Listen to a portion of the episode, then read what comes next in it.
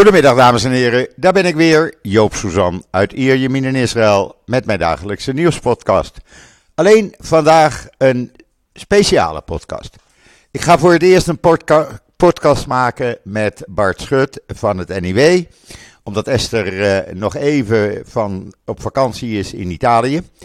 En uh, ik kijk daar erg naar uit. Maar laten we eerst even over het weer hebben hier. Want mensen, mensen, je wil het niet geloven. Het is compleet winter hier.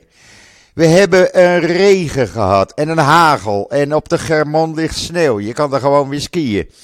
En het is me koud. Het is in de winter nog niet zo slecht geweest. En dat nadat we nog geen vier dagen geleden 32 graden hadden. Maar goed, uh, alleen nog vandaag en dan is het gelukkig voorbij en krijgen we vanaf morgen weer rond de 24, 26 graden.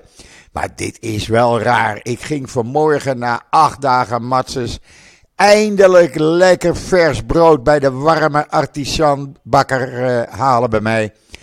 Maar uh, ik ben, ging met de auto, maar ik reed compleet door rivieren. Het, de afvoeren konden het water gewoon niet aan. Het was een enorme hoeveelheid. Maar goed, dat hebben we ook weer overleefd. Uh, we blijven nog maar even een paar uur binnen. En dan uh, het weekend uh, wat morgen begint. Nou, dan gaan we maar van de buitenlucht genieten, zullen we maar zeggen. En dan ga ik nu kijken of ik Bart aan de lijn krijg. Ogenblikje geduld. En dan kom ik met een paar seconden bij jullie terug. Nou, het is weer gelukt, dames en heren. Ik heb uh, aan de andere lijn Bart Schut van het NIW. Goedemiddag Bart, hoe is het leven daar? Goedemorgen Joop, het, leven is, uh, het is beter weer hier dan geloof ik dan bij jou. Ja, ja, wij hebben hier uh, een weer, dat hebben we van de winter niet zo erg meegemaakt, kan ik je zeggen. Een wolkbreuk. Een wolkbreuk achter, na wolkbreuk. Het blijft niet bij één wolkbreuk, het is een constante wolkbreuk. Dus eh, ik weet niet waar dat water allemaal vandaan komt. In ieder geval, de straten kunnen het niet meer aan. De Negev staat half onder water. De Arava staat onder water. Ze hadden gisteravond. Uh, kon je niet meer in en uit Eilat. Dat is ook voor het eerst dat ik dat uh, heb meegemaakt. Wow. De wegen waren afgesloten, want die waren onbegaanbaar. Die zijn nu weer open. Maar uh, ja, het is, het is niet normaal. Het is niet normaal. Er zijn helaas een broer en zus uit Tiberias zijn verdronken. Dat is een heel triest verhaal. Zijn verdronken, ja. Ja, dit is ja. heel triest. Uh, die reden met uh, hun ouders in twee auto's. Ze hadden telefonisch contact. En uh, die jongen raakt met zijn auto in een stroom water terecht. En zijn ouders hadden nog contact met hem. En plotseling was, waren ze weg. Verschrikkelijk geweest. Je hoort het vaak hè, in Israël. Je hoort ook vaak van die flash floods in de woestijn. hoor je ook vaak dat ja. het misgaat. Er verdrinken er verdrinken meer mensen in Israël dan in Nederland door, door wateroverlast. Dat is toch wel echt een heel raar iets. Het is heel raar. En ik, maar als je ook die enorme stromen water ziet. Nou ja, er is een weg en plotseling komt er een modderstroom aan. En ja. is uh, alles onder water. En dat heeft een kracht, dat wil je niet weten. Dat is echt heel apart. Heel apart. Maar goed, Laten we het hebben over uh, wat zich voor de rest in Israël afspeelt. Ja, andere modderstromen. Uh, ja, we hebben nog meer uh, stromen hier. We hebben natuurlijk hier de politieke situatie, die er niet beter op, op wordt op het ogenblik. Er was vanmorgen in de pers, ik weet niet of je dat gelezen hebt, dat de patriarch van de Rooms-Katholieke Kerk heeft gezegd dat het leven voor christenen er uh, niet makkelijker op is geworden onder de huidige regering. En... Ja, en, en, en dat, dat komt bovenop het bericht van een paar weken geleden... dat het aantal geweldsincidenten ook ernstig is toegenomen in en om Jeruzalem... tegen ja. christelijke... Uh, van, gaat het veel om vandalisme, gaat het veel om vernieling van christelijke symbolen, kerken en dergelijke. Ja, ja. En daarnaast... En eigenlijk berichten die, we, die kennen we vooral uit, die kennen we vooral uit de omringende landen. Ja. Uh, en tot op heden altijd wat minder uit Israël. Maar uh, wat dus inderdaad de pauselijke uh, uh, afgevaardigde zei in Jeruzalem was dat het politieke klimaat, um, de deelname van de extreemrechtse partijen in de, in de regering, in het Engels noemen ze het woord emboldened. Dat maakt de radicale religieuze zionisten, geeft ze meer zelfvertrouwen en het gevoel dat ze ermee wegkomen. Waarschijnlijk. Waarschijnlijk. En dat is niet zo heel vreemd, want als je bedenkt dat de, de minister die er bijvoorbeeld over gaat, Bils, Itamar Ben-Gvir, uh, ja, ik, ik kan me ook niet voorstellen dat hij erg hoog op zijn lijstje heeft de vervolging van uh, uh, religieuze zionisten die christelijke objecten aanvallen. Dus dat is inderdaad nee. een, een heel gevaarlijke ontwikkeling, vooral ook omdat in veel gevallen, internationaal gesproken, christelijke groepen juist vaak de meest pro-Israëlische en in sommige gevallen zelfs de laatste pro-Israëlische groepen in de samenleving zijn. Denk aan de evangelicals in, uh, in Amerika, denk aan Christenen voor Israël in Nederland. Ja. En als die nou ook berichten krijgen van uh, onze geloofsbroeders worden nu opeens gediscrimineerd en aangevallen in Israël, is dat natuurlijk voor het, het aanzien van de Joodse staat dat natuurlijk een enorme ramp. Absoluut.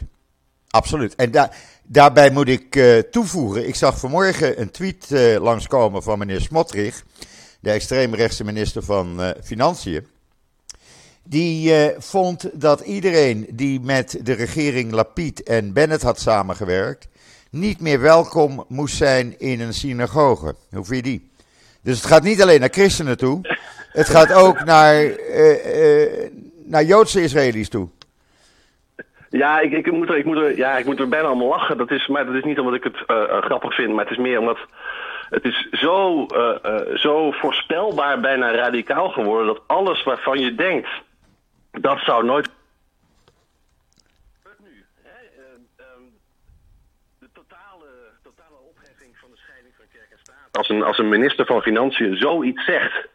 Als een minister, moet je je voorstellen, in Nederland de minister van Financiën zou zeggen hé hey, kerken, als jullie het niet met ons eens zijn, mag je, moet je mensen uit gaan sluiten uit de kerk.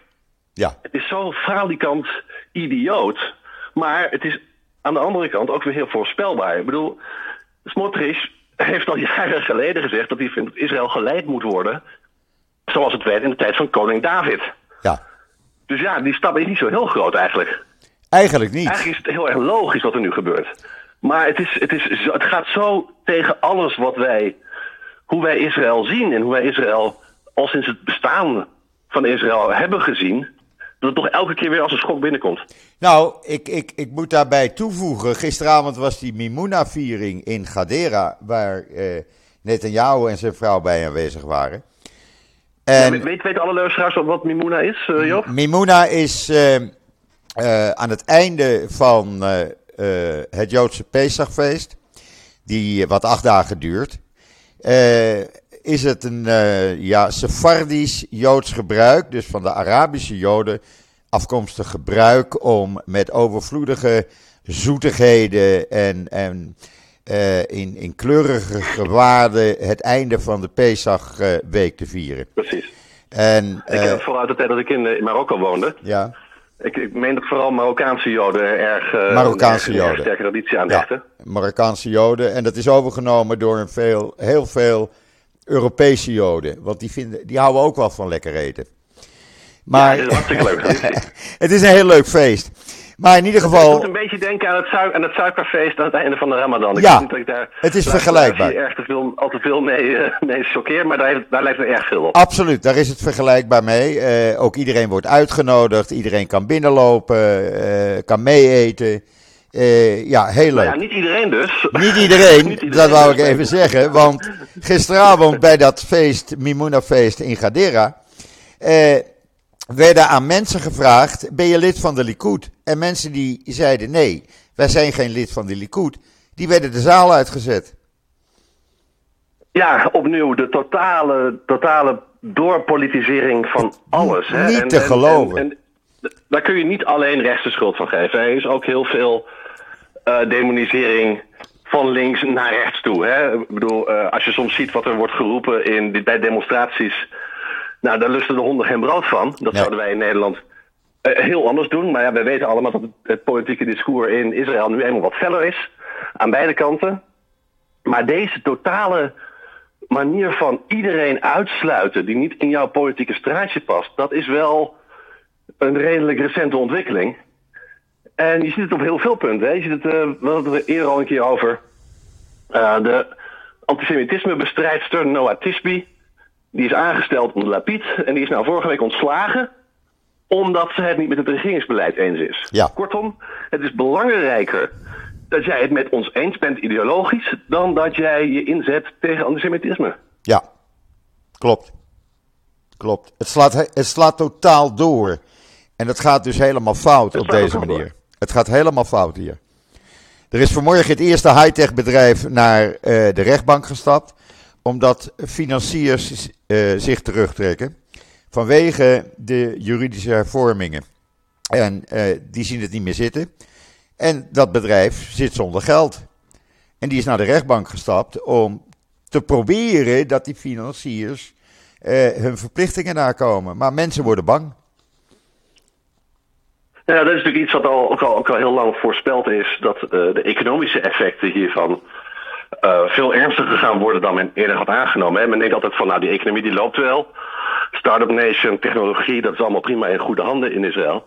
Maar men vergeet dat dat natuurlijk voor een groot deel ook drijft op buitenlandse investeringen. Ja. En als buitenlandse investeerders zich terugtrekken, en als zelfs Israëlische investeerders overwegen om Israël te verlaten en zich te vestigen in Oost-Europa of in Canada of in de Verenigde Staten, kan dat enorme effecten hebben op de lange termijn, of zelfs op de middellange en misschien wel op de korte termijn, op de Israëlische economie. Ja, en dat zie je al. Dat zie je al. Dat, zie je al. Bijvoorbeeld aan, uh, aan de, de, de, de, val van de shekel tegen de euro. Niet te geloven. Niet te geloven. De, de euro en dollar die schieten omhoog en de shekel die duikelt naar beneden toe. En dat is echt een, een, een heel goed moment maakt voor onze luisteraars om Israël te gaan bezoeken. Want het is een stuk goedkoper dan het een jaar geleden was. Het wordt nu goedkoper, alhoewel de producten worden weer duurder. Ook wel weer, maar die inflatie loopt natuurlijk nog op. Ja. ja, ja, ja. En daar probeert uh, de Bank van Israël uh, alles aan te doen om dat tegen te gaan. Rente verhogen elke maand met een half procent gemiddeld. Maar daar zijn uh, de extreemrechtse partijen weer op tegen. En meneer Smotrich, die de regering. De, de, de centrale bank ligt overal met de regering. Ja. Alle grote individuele banken, privébanken liggen overal met de regering. Ja, ja, ja, ja. Alle, alle zakenbedrijven, uh, alle zakenlui, Israëlische zakenlui, die zijn naar uh, uh, Netanyahu geweest een paar weken geleden. Om te zorgen dat die juridische hervormingen gestopt zouden worden in deze vorm. Uh, ja, daar is hij niet op ingegaan. En die bedrijven, dat zijn de grootste filiaalbedrijven hier, die we hier hebben in Israël. Waaronder Fox uh, bijvoorbeeld, een van de grote kledingbedrijven, Azrieli uit uh, Tel Aviv. Uh, ja, en die, die ondervinden nu al problemen. Ja, ik ook Teva, de grote farmaceutische protesten daarbinnen en daaromheen. Het, maar het lijkt er vooralsnog op dat uh, het enige, het enige uh, argument wat enigszins aanslaat bij de regering om toch enigszins op de rem te trappen veiligheid is. Ja. He, pas, als, pas als het leger zegt, jongens, we raken in de problemen, want onze reservisten komen niet opdagen. En die protesten van de reservisten zouden zichzelf kunnen uitbreiden naar bedienende militairen. Dan pas in ieder geval optisch water in de wijn te doen. Ik denk namelijk dat hij helemaal geen water in de wijn heeft gedaan. Ik denk dat dit puur uitstel is.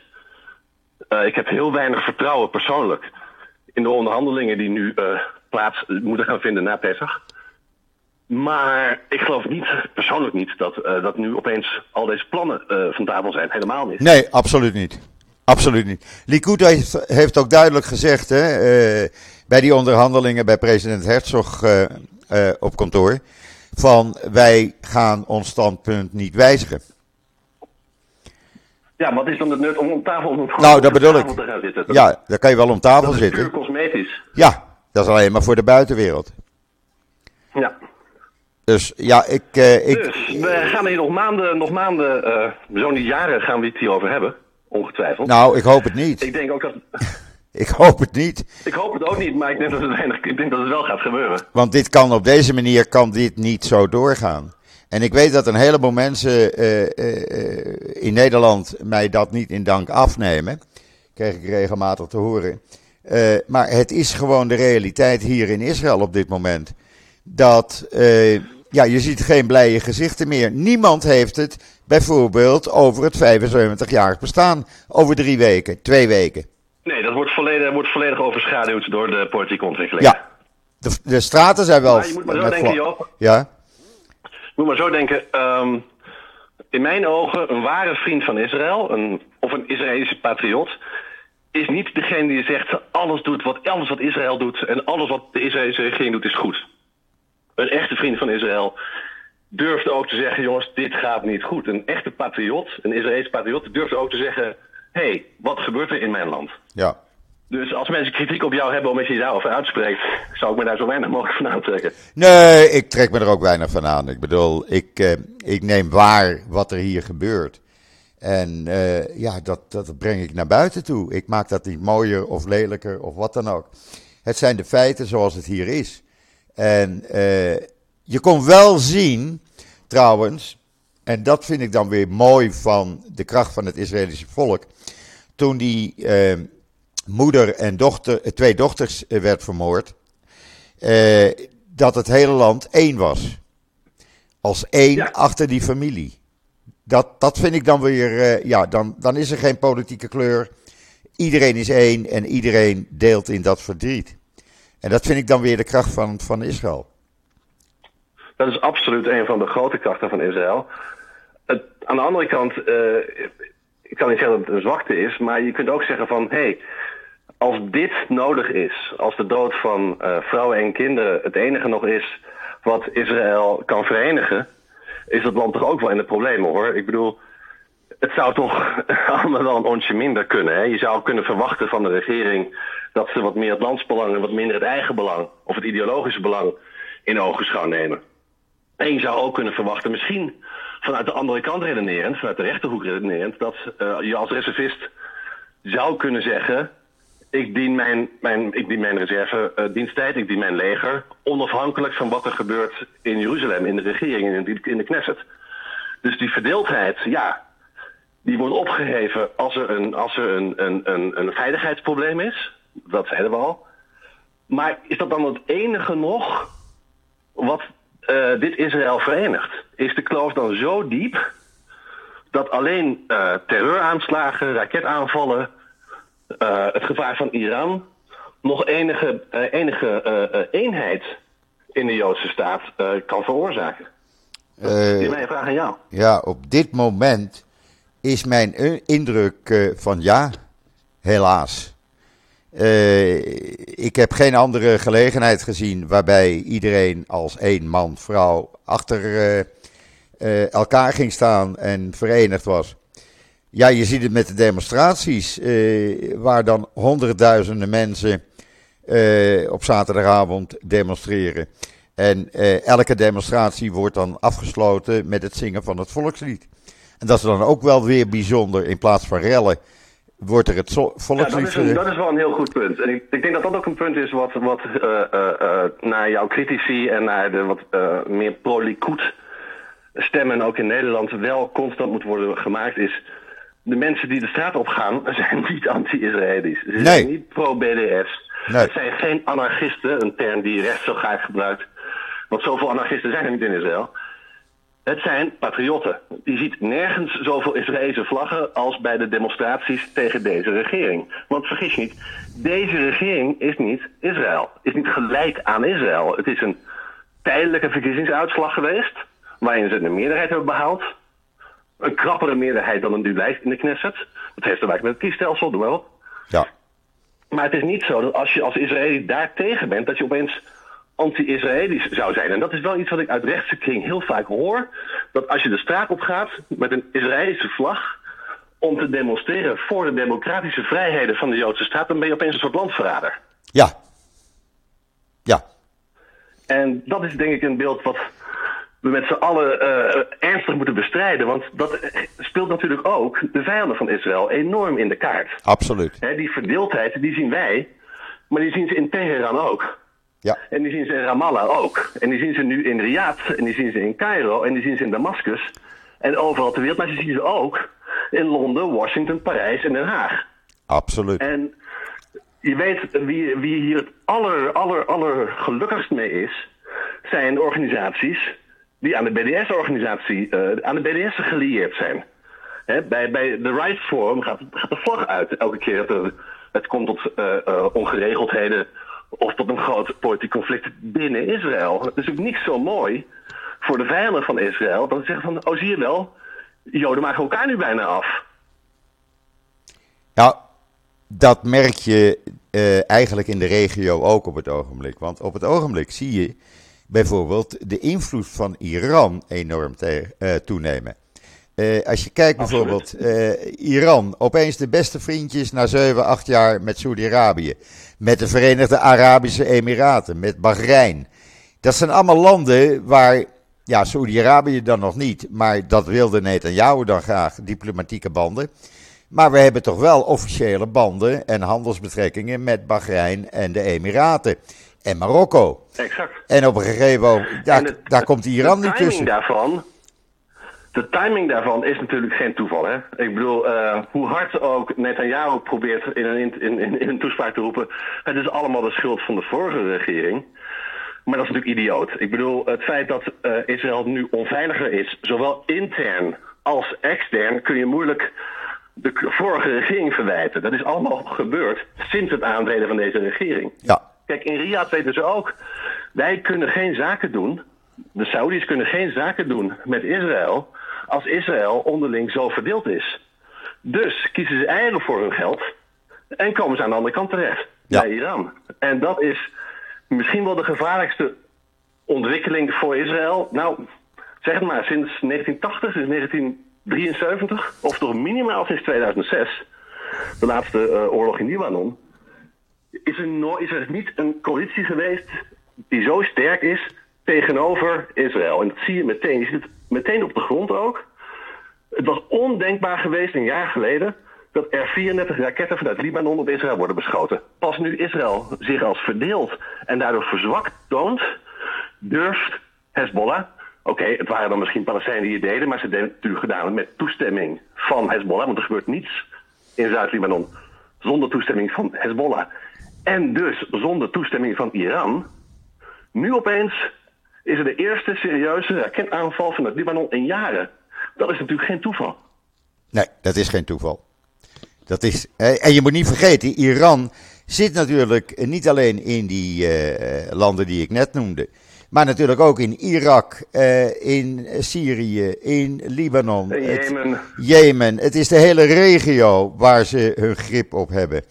En uh, ja. ja. dat mag iedereen best zorgen baren, want dit is een zeer slechte dat ontwikkeling. Moet iedereen zorgen baren. Ja. Je praat over een, over een regime dat tot een jaar geleden een paria was. Niet alleen in de hele wereld, maar ook in het Midden-Oosten. Het regime in Teheran, in Iran. Ja. En opeens, een, nog een paar maanden later, hebben ze relaties met iedereen. Zijn ze dichter dan ooit bij een kernwapen. En spelen ze zelfs een rol op het wereldtoneel met hulp van Rusland en China. Ja. Als ik, als ik Israël was, zou ik me daar heel erg zorgen over maken nu. Nou, dat doet de IDF ook. Maar ja, de regering is met andere zaken bezig. Maar luistert de regering, luistert de regering naar de IDF? Ik weet het niet. Ik las vanmorgen. Luister eens naar de Mossad. Uh, ik hoop het, want ik las vanmorgen een uh, artikel in de Jerusalem Post. Ik raad iedereen aan om dat even te lezen. Het, dictor het dictoriaat inlichtingen van de IDF heeft gezegd dat Israël op dit moment dichter bij een oorlog is als bij uh, kalmte. Correct, correct. Ik heb, ja, ik heb het ook gelezen. En en ze zijn niet de enige die zeggen, de Mossad zegt ook al, al maanden, jongens, we moeten hiermee stoppen. Ja. Want we spelen alleen maar de vijand hiermee in de kaart. Absoluut. En, en, en wat, doet de, wat doet de regering Netanyahu als oplossing van dit alles? Een nieuwe militie oprichten die voor het eerst in de geschiedenis van Israël direct onder bevel van een minister moet komen. Ja, ho, nou... ho. minister is oké, maar wat voor minister? een minister die 53 keer gearresteerd is vanwege activisme tegen de Palestijnen.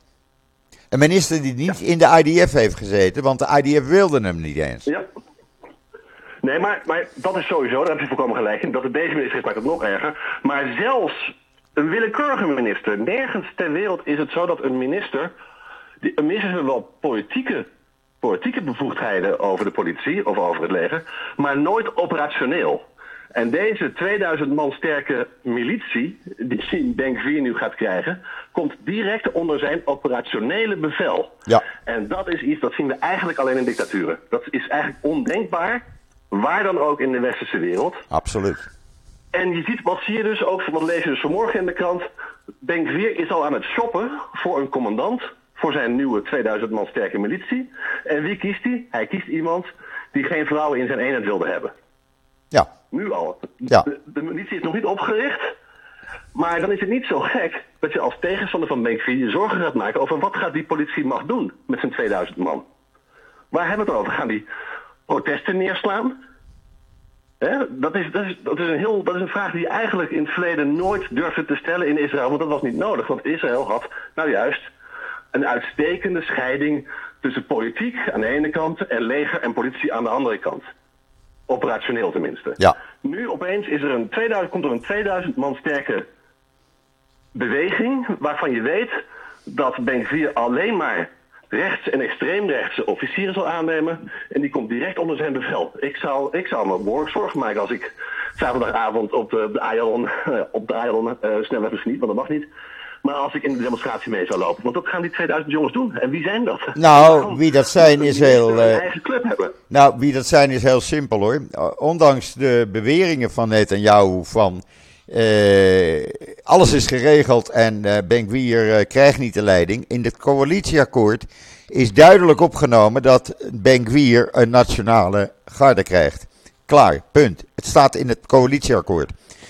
Uh, dus hij wordt nou, de baas. Er is, er, is toch niemand, er is toch niemand in Israël die beweert dat wat Israël nou nodig heeft, nog een extra politiemacht heeft? Jawel, helemaal niet nodig. Helemaal niet nodig, maar er komt bij. De, de grenspolitie, we hebben de politie, we hebben het leger, we ja. hebben allerlei tussenvormen. Maar nee, er moet nu nog een politieke politie, want dat is het natuurlijk aan het worden. Een politieke politie bij, dat is levensgevaarlijk. Ja, maar dat niet alleen. Waar die uh, gaat shoppen, dat zijn uh, de kolonisten. Want normaal ja. heeft een uh, militie zeg maar een jaar nodig om opgeleid te worden. En hij zegt dat hij met twee, drie maanden maximaal operationeel is. Nou, dan kan hij ze alleen maar ja, bij de... Hij weet natuurlijk ook dat, hij weet, hij weet best dat wat Netanyahu in principe doet, wel vaker doet, is een belofte. En die laat hij dan doodbloeden. Dat heeft hij gedaan met het wisselpremierschap met Gans. En dat heeft hij zijn hele ja. politieke carrière. Hij doet een, een harde belofte. En dan een zes maanden of een jaar later hoort niemand daar wat van. Dus denkt Denk hier nu, ik wil die militie, dus ik ga nu op mijn strepen staan, want nu heeft Netanyahu kan mij niet missen. Ja. Dus ik ga nu in, in een kwestie van maanden inderdaad, wat natuurlijk op zich onmogelijk is, eigenlijk hoort zoiets inderdaad minstens een jaar te duren, maar ik ga het nu regelen, want anders krijg ik het niet. Ja, precies. En dit is een levensgevaarlijke ontwikkeling. Het wordt gewoon zijn eigen privémilitie. Een privémilitie, ja, absoluut. Hij heeft het namelijk al geprobeerd met de politie. Hij heeft al geprobeerd om de politie direct onder zijn bevel te plaatsen. Nou, daar heeft Kobi Shabtai en andere politiecommandanten, met name die in, uh, in Tel Aviv, hebben daar een stokje voor gestoken. Ja. Dus, nou, als hij de politie niet als zijn privé, uh, zijn privé-militie kan gebruiken, dan richten we maar zelf een militie op. Ja, zo moet je het zien. Het is, het is gekke, het is echt, echt, echt gekke werk. Het is een levensgevaarlijke ontwikkeling wat hier gaande is op dit moment. En ik roep het al weken. En eh, ieder weldenkend mens moet zich gewoon enorm zorgen maken over de toekomst. Want eh, dat is het gewoon. Ik weet niet. Eh, ik woon hier 23 jaar nu. Ik weet niet welke kant het op gaat. Ik heb het met mijn broers erover gehad, die hier ruim 50 jaar wonen. En die weten niet welke kant het op gaat. Ze weten niet wat de dag van morgen of overmorgen gaat brengen. Terwijl het normaal altijd voorspelbaar was. We gingen van de Joodse feestdag. Wel, ja. Ja, ja. ja, van de Joodse feestdag naar een andere vakantie. En daartussenin werd het een en ander gedaan. Uh, en nu, niemand weet waar die aan toe is. Nee, en het grappige is, het, het, het, uh, hierbij met dit alles dreigt een beetje het oorspronkelijke conflict uit, uh, uit, uit, uit het oog te verliezen. Namelijk, wat is nou precies die, die hervorming van, om het zo te noemen, anderen noemen het een revolutie, anderen noemen het een coup, anderen weer anderen noemen het, het is maar een logische wettelijke aanpassing. Hoe je ook noemt, wat is nou precies gaande in die rechtelijke macht, wat nou zo nodig veranderd moet worden. En het grappige is, bijna iedereen in de politiek is het erover eens dat er iets wel veranderd mag worden in de rechtelijke macht. Absoluut. Moet alleen, alleen het probleem is, Het gaat helemaal niet, het gaat deze regering helemaal niet omdat de rechters te veel macht hebben. Het gaat om dat de verkeerde rechters te veel macht hebben. Ja. Als de Hoge Raad, als het Hoge Rechtshof in Jeruzalem constant met uh, wetten zou komen, of met regels zou komen, met uitspraken zou komen, die in, het, in de kraam te pas komen van Netanyahu en van rechts Israël, had dit hele conflict nooit bestaan. Mee eens. Het gaat erom, zij zien de rechterlijke macht als een te progressieve uh, factor in de politiek. Nou, daar kun je van. En dat zeg ik als iemand die zelf, zichzelf als behoorlijk progressief uh, beschouwt, zeker naar Israëlische maatstaven. Maar de vraag is, moet je daarom je hele systeem opblazen? En dat is wat ze nu aan het doen zijn. Ze zijn het hele systeem van checks en balances, balances van machtenscheiding aan het opblazen. En dat is puur inhoudelijk, want hier begint het nu mee. Het begint met, oké, we gaan de, we gaan de uh, hoge rechters gaan we anders benoemen. We gaan ervoor zorgen dat ze bepaalde wetten wel of niet mogen afschieten. In praktijk niet meer dus. Maar daar begint het mee. Daarna komen de inhoudelijke wetten. Want als die weg helemaal is vrijgemaakt, kan iedereen die in de regering iets wil van Netanyahu met 61 stemmen het voor elkaar krijgen, zonder dat iemand er wat aan doet. Dan kunnen vrouwen bij de klaagmuur inderdaad rücksichtsloos verwijderd worden, of liberale joden. Dan, kunnen, uh, dan kan er segregatie worden ingevoerd in de bussen. Uh, wat al heel lang op het verlanglijstje staat van uh, de Haredi-gemeenschap. Of een deel van de Haredi-gemeenschap tenminste. Dan kunnen er stuk voor stuk allerlei wetten die tot voor kort werden tegengehouden op basis van mensenrechtelijke principes door het Hoge Rechtshof, kunnen dan opzij gezet worden en kun je met een simpele meerderheid, met één stem, met 61 stemmen in de Knesset, kun je eigenlijk alles doen wat je wil. Je zou zelfs, je zou zelfs, technisch gesproken, zou je het kiesrecht kunnen afschaffen met 61 stemmen in de Knesset. Moet je je voorstellen. Kan allemaal gebeuren. En dat is ook de reden dat die ultra-orthodoxe partijen zich de afgelopen weken zo stil hebben gehouden. Want die weten, zodra die gerechtelijke hervorming erdoor is in deze vorm, kunnen wij onze gang gaan. Dan kunnen wij gaan zeggen van op Shabbat mag je geen auto meer rijden. Op Shabbat moeten de restaurants op het uh, strand gesloten zijn. Uh, ja.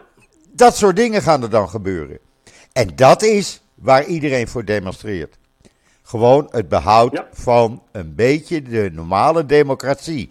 Dat er veranderd moet worden, prima. Ik zeg het elke keer. Je moet met je tijd meegaan, maar niet in deze extreme vorm die de rechten van de gewone burgers gaat aantasten. En, en, en men moet eerlijk zijn over wat men wil. Nu wordt het gedaan alsof, alsof het Hoge Rechtshof zichzelf herbenoemt. Maar dat is helemaal niet waar. Er nee. is al een commissie met politici erin die het Hoge Rechtshof uh, benoemt. Het is alleen zo dat in de voorstel van de regering die politici een forse meerderheid hebben en daarbinnen de regering de meerderheid heeft. Dat zes van de elf benoemers wordt door de regering aangewezen. Waardoor die andere vijf oppositieleden of leden van de rechterlijke macht dus niets meer te vertellen hebben. Maar het is niet zo dat men nu een systeem heeft waarin de rechters maar doen en laten wat ze willen. Dat is helemaal niet zo, maar dat is wel wat er nu verteld wordt aan ons. Ja, maar in het hele bestaan van Israël, in die 75 jaar, heeft het Hoge Rechtshof maar 11 wetten geweigerd, afgekeurd. 11. In die 75 ja, jaar. Uh, alleen men is juist bang dat de wetten die nu gaan komen, dat verlanglijstje van de religieuze zionisten, extreem rechts, op de westelijk Jordaanoever, het lijstje, het wenslijstje van de ultra-orthodoxe gemeenschap met betrekking tot de rechten van vrouwen, met betrekking tot kashrut, het rabbinaat en dergelijke, de, de klaagmuur. Men ziet aankomen dat daar maar één hobbel op de weg tegen is. Niet die 56 oppositieleden in de Knesset, maar de opperrechters in Jeruzalem. Dus is men al bij voorbaat bezig die mogelijke vorm van oppositie op te ruimen. Ja. En dat is waar het om gaat. Het is meer inhoudelijk dan dat men nou het systeem wil verbeteren. Klopt. Klopt. Het mooiste voorbeeld hebben we trouwens gezien met die Gamets-wet. Die helemaal niet nodig was. Ja. Die helemaal niet nodig was. Nee. Maar die niet-Joden dwong zich te houden aan de Joodse wetten in de ziekenhuizen. Ja, ja maar, en, en, uiteindelijk komt het allemaal neer op het volgende grote probleem. Er...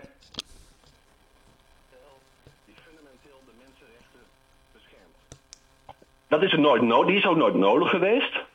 Want het liep redelijk allemaal wel. Hè? Ja. Er was een zekere mate van seksualisatie secularisatie die voor iedereen uh, te verdedigen was. Tegelijkertijd was het, uh, het, religieuze handen, het religieuze leven stevig in handen van het opperrabinaat. Iedereen kon daar enigszins mee leven met die situatie. Het was niet ideaal, maar het kon. Maar nu is dus elke vorm van. Er is geen enkele. Uh, er is geen recht meer in Israël dat veilig is. 100%. Je kunt van geen enkele recht kun je zeggen van oké, dat is er over tien jaar nog steeds. En ja, dat is natuurlijk niet het Israël wat we allemaal voor ogen hebben. Nee. Nee, absoluut niet. En daar maakt ja. iedereen zich zorgen. Eh, bedoel, we zijn nu drie maanden verder. Er zijn veertien zaterdagen met demonstraties geweest. Je zou verwachten dat op een gegeven ogenblik het aantal deelnemers aan die demonstraties zou afnemen. Omdat men verzadigd raakt. Maar het neemt ja. juist toe. Het neemt juist toe. Het neemt toe. En wat dat betreft is die bevriezing nu is heel, is natuurlijk een heel slimme zet van Netanyahu. Want die denkt, als, dit een paar maanden, als we nou een paar maanden niks doen, gaat de ge geest dan terug in de fles. Lukt het dan de oppositie weer om 500.000 mensen in heel uh, Israël op de te brengen? Hij hoopt natuurlijk dat over een aantal maanden Hè, er is uitgedemonstreerd en we doen wat optisch wat water in de wijn. Het lijkt alsof we een akkoord hebben. En als het akkoord wordt afgeschoten door de oppositie, omdat het een schijnakkoord is, dan kunnen we die daarvan de schuld geven. En dan hopelijk, hopelijk, hopelijk gaan de mensen niet meer de straat op zoals ze dat nu deden. En hopelijk, hopelijk, hopelijk houden die enkele dissidenten binnen Likud, hè, Galant of Edelstein, hun mond hier verder over. En kunnen we het er toch allemaal doorheen jagen. Ja, dat is, het, dat is, het, dat is de strategie ja. op dit moment. Ja, absoluut. Absoluut. Wacht even, dan moet ik even mijn hond. Ja, nee, die hoort weer wat in de gang. Die hoort weer wat in de gang. En die, daar zit hij me aan te kijken van, uh, je hoort wat ik doe, hè? hij weet dat het niet mag namelijk. Hij weet dat het niet mag. Okay. maar goed, we gaan gewoon door. We gaan gewoon door. Laten we nog iets buiten Israël zoeken, Joop, want ja. daar word je niet vrolijk van. Nee, ik ook niet. Is er nog wat in Nederland uh, te melden? Of, of, of... Niet zo geweldig veel. We, we weten dat, uh, hè, ik zag nog het bericht voorbij komen dat de Rights Forum nu universiteiten voor de rechten wil slepen. Omdat universiteiten weigeren uh, met lijstjes te komen van met wat voor joden ze allemaal zaken doen. Dat is echt verschrikkelijk. Maar het is niet zo verwonderlijk, want ja, een Forum doet natuurlijk niets liever dan uh, lijstjes met Joden opstellen. Dat is zeg maar een core business. Het, uh, het koopt niet bij Joden verhaal, kan je zeggen. Zoiets. Nou, Zo moet ik het zien. Dat is natuurlijk uiteindelijk, ja, dat is, dat is letterlijk wat BDR zegt, laat werk zijn. Maar goed. Uh, ze hebben dus gevraagd om. ze willen alle contacten van universiteiten met pro-Israëlische en Israëlische en zelfs Joodse, al dan niet aan Israël gelieerde organisaties, daar willen ze lijsten van hebben. Daar willen ze inzicht in hebben. Zij vinden dat ze daar recht op hebben vanwege de, de wet op de openbaar bestuur. Maar veel universiteiten hebben gezegd, dat doen we niet, want we weten precies waar jullie dat voor gaan gebruiken. En nu wil dus het Rights Forum wil dus universiteiten voor de rechter gaan slepen, dat ze toch met lijsten komen van welke uh, Israëlische, Zionistische, nee, dat zijn de eufemismes die zij gebruiken voor Jood, ja. uh, organisaties er zaken wordt gedaan. En dat is natuurlijk ongelooflijk. Dat, is, dat is zo pervers. Dat is zo herinnerend aan de duisterste uh, uh, jaren van de vorige eeuw. Maar dat bedoel ja, ik. Het is het Rights Forum, dus je mag het van ze verwachten. Dat, dat, dat is ook wel weer waar. Maar dat, is nu, dat speelt nu een beetje. Het speelt onder de radar hoort. Het is niet iets waar uh, erg veel aandacht aan wordt besteed. Want ja, verwacht jij dat NRC of Volkskrant hier een groot artikel over gaan schrijven? Nee, ik zag de NRC gisteren alleen maar groot uitpakken dat op openbare scholen moskeeën moeten komen. Uh, ja. Gebedsruimtes, ja. Ja, gebedsruimtes. nou ja, dan denk ik, oké, okay, waar zijn ze? En, en, en D66 maakt zich heel druk, want het sperma moet in de aanbieding. Uh, nou ja, als dat de problemen in Nederland zijn, dan, dan denk ik, oké, okay, zoek het maar uit. Wij hebben hier wel wat anders te doen. Nee, waar ik me kwaad om maak. ja. Waar ik me kwaad om maak, helemaal naar die aanslagen natuurlijk ja. van de week. dat Nederland nog steeds dubieuze Palestijnse organisaties subsidieert die dat geld dan weer vrolijk doorsluizen, in de meeste gevallen naar terreurgroepen. En dan denk ik, jongens, stop daar toch eens een keer mee. Dat ben ik uiteraard helemaal met je eens. Uh, daar maak uh, ik mij ook kwaad om, daar schrijf ik ook regelmatig over. Uh, waarbij overigens we wel, eer, wel ook weer zo eerlijk moeten zijn te zeggen dat de dubieuze organisaties waar we het over hebben gelieerd zijn aan bewegingen, en dan hebben we het vooral over de PFLP, die niet de bewegingen zijn die op dit moment voor de grootste terreuraanslagen in Israël zorgen. Daarmee niets wegnemend van het feit dat de PFLP een terreurbeweging is en dat die opgeruimd moet worden. Daar zijn we het allemaal over eens. Ja. Maar het is niet zo dat de Nederlandse regering geld overmaakt naar de islamitische jihad of naar Hamas zelf. Nee, maar naar, or naar organisaties. Naar organisaties die dat weer doorsluizen naar uh, Lions Den of Islamic Jihad. Ja, dat, dat, nou, daar wil ik de bewijzen van nog wel iets, uh, iets helderder van zien. Ik weet dat het in, de PF, in het geval van de PFLP, daar heeft uh, bijvoorbeeld NGO Monitor volkomen duidelijk gemaakt dat Ja. die banden er zijn. Ja, Ehm, ik zou niet durven beweren dat willens en wetens geld wordt gestuurd naar Palestijnse bewegingen die contact hebben met Lions Den of met de islamitische jihad. Aan de andere kant eh, zou ik ook niet hyper verbaasd zijn als dat over een paar jaar wel weer blijkt het geval te zijn. Zo eerlijk moet je ook wel weer zijn. ja, precies. Precies. En ik vraag me dan af, is er geen enkele politieke partij die mevrouw Kaag eens even eh, daarmee wil confronteren en zorgen dat dat geld niet meer overgemaakt gaat worden? Want het is toch gewoon... Eh, nou, die partijen zijn er wel. Alleen, alleen die hebben A, een, een, een, sterke minderheid. Eh, mevrouw Kaag gaat hier trouwens niet meer over. Eh, ze gaat wel over het geld, maar niet over dat geld. Dit is nu het, eh, het, het dossier van Bobke Hoek- Hoekstra van het CDA. Het gaat dus allemaal via het ministerie van Buitenlandse Zaken, niet in principe via het ministerie van Financiën. En inderdaad, je, je kunt je nog, een nog veel fundamentelere vraag stellen. Nog even los van het feit dat er geld bij de verkeerde mensen terechtkomt die er terreur mee willen financieren. Je moet je daarvoor nog een andere vraag stellen. Je moet je vragen, is het überhaupt normaal dat de Nederlandse belastingbetaler organisaties subsidieert die de enige, nog hopen we, de enige democratie in het Midden-Oosten ondergraven? Sturen wij ook dat soort gelden naar andere landen in de regio? Sturen wij, dat soort, sturen wij geld naar eh, oppositiegroepen in China? Sturen wij geld naar oppositiegroepen in Venezuela? Nee. We hebben gezegd, de hele wereld is ons, kan ons gestolen worden, maar er moet vooral geld om Israël te bestrijden. En niemand komt met het idee, waarom eigenlijk? Waarom moet Nederland bijdragen aan het Palestijnse middenveld? Daar kan ik nog in komen. Maar dat Palestijnse middenveld is helemaal niet bezig met corruptiebestrijding of met de mensenrechten in Gaza onder Hamas. Nee, het enige waar geld naartoe gaat, het enige waar geld naartoe gaat, is het bestrijden van Israël. Ja, En dat is een veel fundamentelere vraag dan zijpelt er af en toe wat geld door naar terroristen. Wat ook gebeurt, wat verschrikkelijk is en wat onmiddellijk tot stopzetting zou moeten leiden. Alleen, daarachter zit nog een veel fundamentelere vraag. Waarom moeten wij de UNRWA, nee, sorry, niet de UNRWA, de eh, landbouworganisaties in Ramallah eh, ondersteunen als we weten dat die organisaties weinig aan landbouw doen, maar vooral alles aan de bestrijding van Israël doen? ja, En al die organisaties die jij ook kent, Al-Haq, al die lawfare-organisaties, dat zijn geen mensenrechtenorganisaties, houd erop. Als het mensenrechtenorganisaties waren, zouden ze opkomen voor de rechten van de Palestijnen die worden gemarteld in gevangenissen in Ramallah of in Gaza door Hamas. Nee. Als jij, je moet eens voor, voor, voor, voor je lol die websites van die organisaties bekijken. Daar gaat nooit iets over interne Palestijnse problemen. Het gaat nooit over corruptie. Het gaat altijd over Israël, Israël, Israël. En waarom moeten wij daarom betalen? Dat weet ik niet. nou ja, dat vraag ik me al jaren af. En die vraag nu des te meer naar die verschrikkelijke tragedie van de familie eh, Die. Een moeder en twee dochters eh, gewoon neergeknald. Waarbij RTL Nieuws dan eh, durft te beweren dat deze moeder en twee dochters op het verkeerde moment op, op de verkeerde plek waren. En daardoor een paar Palestijnse schutter eh, werden neergeschoten. Hoe durft u Nou, dat ja, te beweren? die- Ja.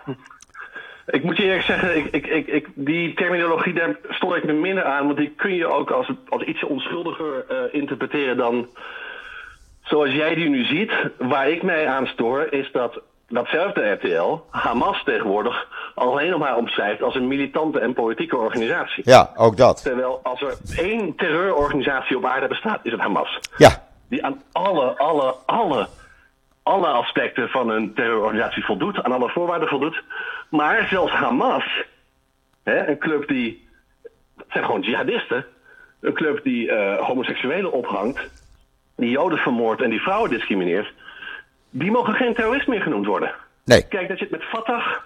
Als je over Fatah hebt, dan kun je een beetje het kun je twisten. Hè? Die hebben een vleugel. Dat zijn, daar, daar zitten terroristen bij, absoluut. Maar overal zou je kunnen afvragen: is Fatah een terreurorganisatie? Maar Hamas toch niet? Hamas zijn we toch hopelijk allemaal wel over eens wat dat voor mensen zijn. Maar zelfs dat wordt niet meer als een terreurorganisatie omschreven. En daar maak ik me heel erg zorgen over. Die, die, die, die, die doellijn naar wat een terrorist is, wordt steeds meer verschoven. Ja. Op een gegeven moment, en dat zie je überhaupt door, dat zie je ook bij, bij de dames uh, van uh, de Islamitische Staat die nu in Nederland in de gevangenis zitten. Die worden ook, ook behandeld als een soort van slachtoffers van hun mannen. Maar niet als de terroristen die ze zijn. En in het Israëlisch-Palestijnse conflict zie je dat nog veel sterker, want daar speelt natuurlijk ook een rol, speelt de afkeer van Israël een heel grote rol bij heel veel journalisten, journalisten in dit land. Nou, ik zag de laatste dagen kwam ik alleen maar woorden tegen als schutter.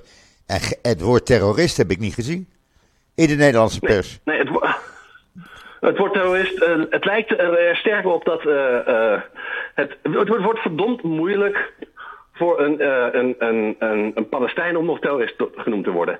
Ja. En ergens, ergens, ergens is de term terrorist is natuurlijk ook een politieke term. Dat, ik kan me best voorstellen dat je zegt Oké, okay, um, stel je nou eens voor, het IDF gaat uh, Jenin binnen.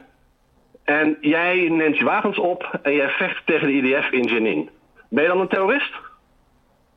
Daar kun je over twisten. Absoluut, maar ja. als jij aan de kant van een weg ligt en er komt een auto met burgers, vrouwen en kinderen langs en je schiet die dood, dan hoeven we deze discussie niet te hebben.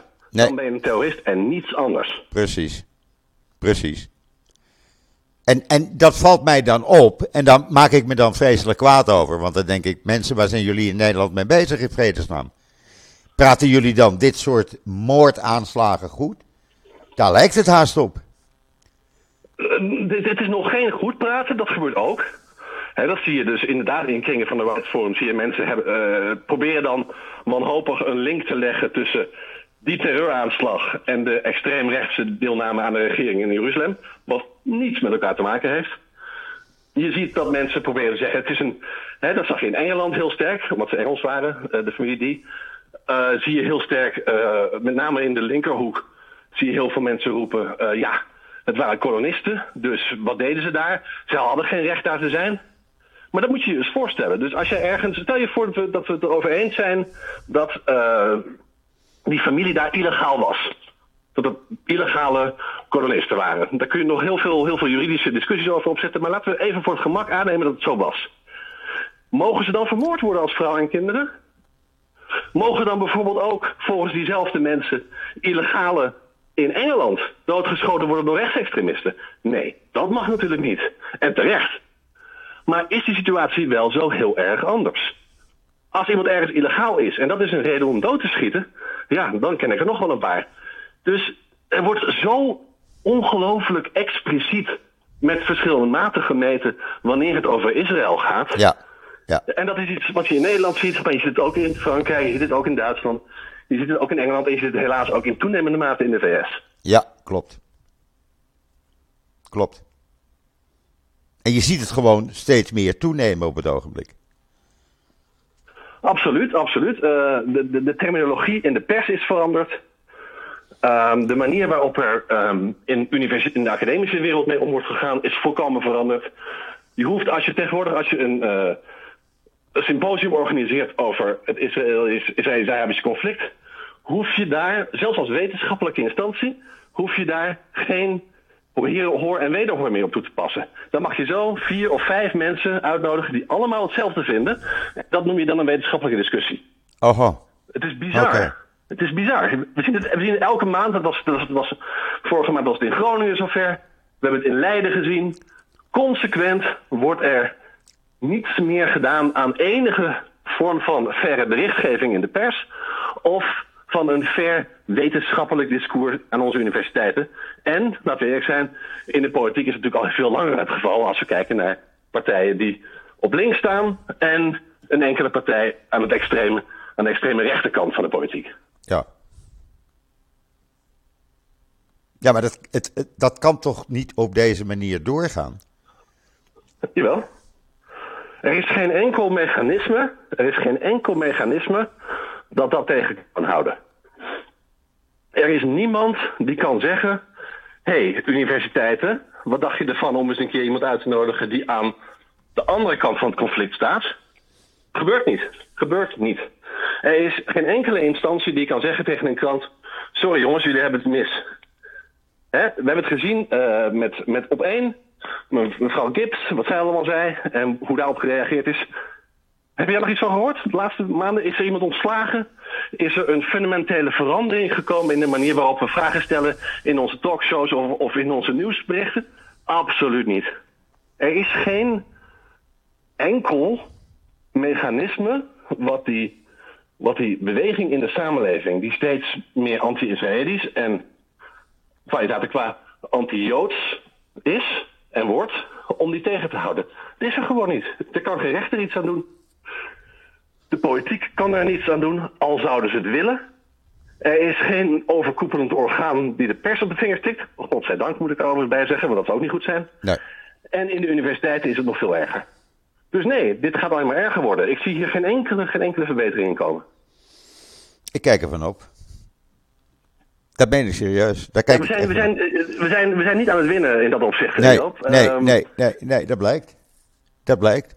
En eh, het is natuurlijk niet zo dat, dat, dat, dat Israël schuldig is aan antisemitisme, want antisemitisme is veel ouder dan, dan, dan Israël.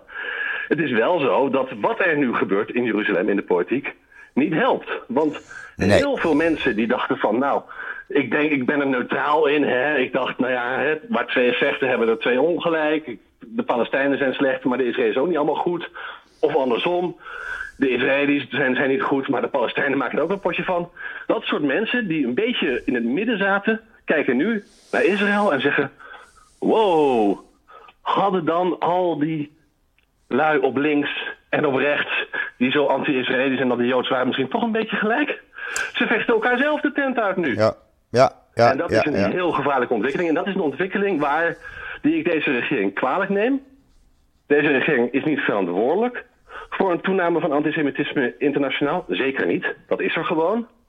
Maar als jij willens en wetens jouw eigen politieke en in sommige gevallen persoonlijke agenda, denk aan Netanyahu, denk aan Deri, het gaat om hun baantjes, het gaat om zelfs hun vrijheid.